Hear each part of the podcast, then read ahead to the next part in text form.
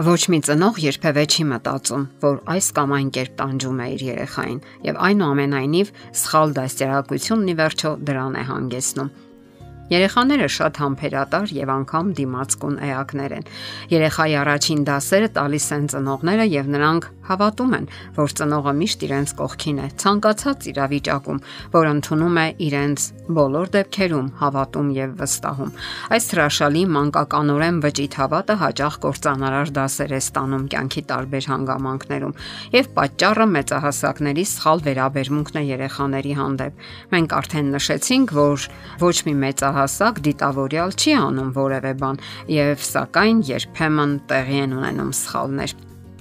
Դե ինչ հարգելի ծնողներ, երբեք մի ընդգծեք, որ երեխան բավականաչափ լավը չէ ձեզ համար, որ դուք ավելին եք սպասում նրանից, որ նա բավականաչափ հնազանդ չէ, համառ է, ջանադիր չէ եւ այլն։ Շատ ծնողներ սիրում են կրկնել, թե ինչպիսին էին իրենք տվյալ հասակում, որքան լավն էին, խելոք, կամ էլ իրենց երեխաներին համեմատում են ուրիշների հետ։ Ասենք որ երբեք չի կարելի նման համեմատություններ անել։ Յուրաքանչյուր երեխա ան անհատականություն է եւ միմյանց նման երկու երեխա գոյություն ունի ողջ աշխարհում։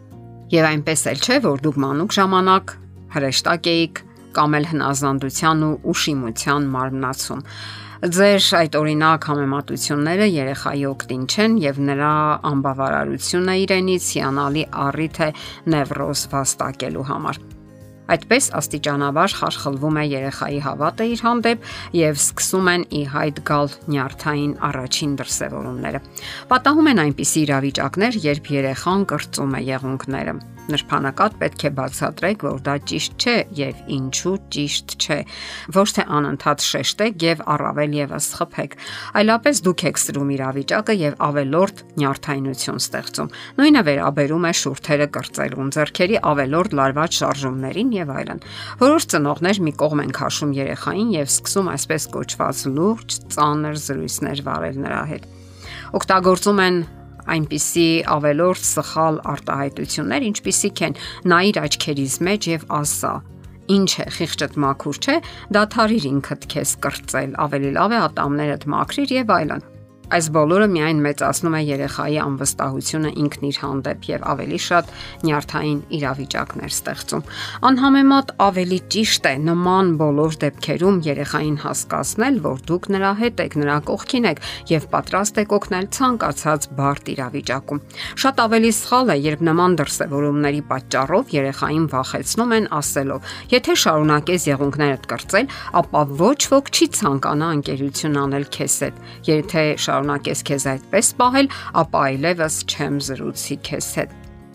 Իսկ այժմ ուսման մասին։ Շատ երեխաների համար ուսումը վերածվում է տանջանքի, հենց մեծահասակների պատճառով։ Մեծերն անընդհատ ընդգծում են, որ իրենց համար կարևորը ոչ թե երեխան է, այլ նրա ուսումնական հաջողությունը, ճիշտ խաղեր խաղալը, ուրիշների գովասանքը շահելը եւ այլն։ Շատ ավելի վատ է, երբ ձեզ միանում են ուրիշները, ուսուցիչները, բարեկամները, ծանոթները,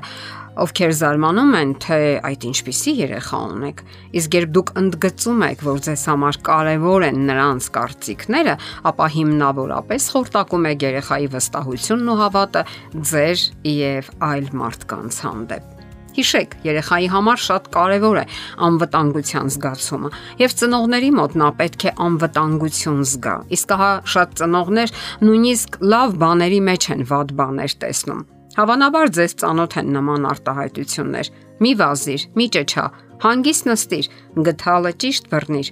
ուրիշ հակուստ հակիր, առաջադրանքը նորից կատարիր եւ այլն։ Թվում է մանրուքներ են, սակայն ի վերջո սրանք հունից հանում են ամենահամբերատար երեխային անգամ։ Իսկ ձեզ թվում է, թե նրանք նյարդեր չունեն, երբ մեծանան, դուք դա ավելի լավ կհասկանաք եւ հաճախ էլ ձեր սեփական մաշկի վրա կզգաք։ Հիշեք, երեխաները միանգամից չեն մեծանում։ Նրանք աճում են, հասունանում աստիճանաբար։ Նրանց փորձառությունները պետք է անցնեն կյանքի դպրոց։ Նրանք պետք է ընկնեն դժվարություններ, կրեն եւ հասկանան սեփական փորձառությամբ։ Ձեր փորձառությունը հասու չէ նրանց մանկական ուղեկի Ձեր փորձառությունը հասու չէ նրանց մանկական ուղեղի ընկալման համար։ Իրականում մեծերն են անհամբեր, որ առանց սերմ ցանելու եւ ծիլերը տեսնելու ցանկանում են վայելել պտուղները։ Եվ վերջապես, ամենամեծ սխալը, որ թույլ են տալիս ծնողները, որը հաճախ երկկողմանի ողբերգության է վերածվում, դա այն է, որ ծնողներին թվում է, թե իրենք անսխալական են, որ իրենք ոչ մի բան չպետք է փոխեն իրենց վարքագծի մեջ։ Պետք չէ նաև մտածել, որ մյուս երեխաները լավն են, իսկ ահա իրենց երեխաները այսքան վատը։ Ինչու այսպես ստացվեց։ Այդպես երեխան երբեք երջանիկ չի լինի։ Կմնա թեր զարգացած, կսկսի ծաղրել ու քննադատել բոլորին, ով միայն կհայտնվի իր կողքին։ Եվ ձեր դասերակցությունը կփոխանցվի հաջորդ սերունդներին, եւ այդպես շարունակ։ Իսկ դուք հավանաբար դա չէիք ցանկանում։ Ահա թե ինչու հենց այսօրվանից սկսեք սովորել ճիշտ դասերակցության սկզբունքները։ Այցելեք համապատասխան մասնագետներին, եթե անհրաժեշտ է, եւ ապա սովորածը կիրառեք կյանքում։ Կամ էլ Այսօր համացանցում բազմաթիվ նյութեր կան դասերակցության վերաբերյալ։ Մի խոսքով մի տանջեք երեխաներին։ Նրանք շատ փոքրիկ են եւ շատ անպաշտպան եւ միշտ հասկացրեք նրանց, որ իրենց կողքին եք։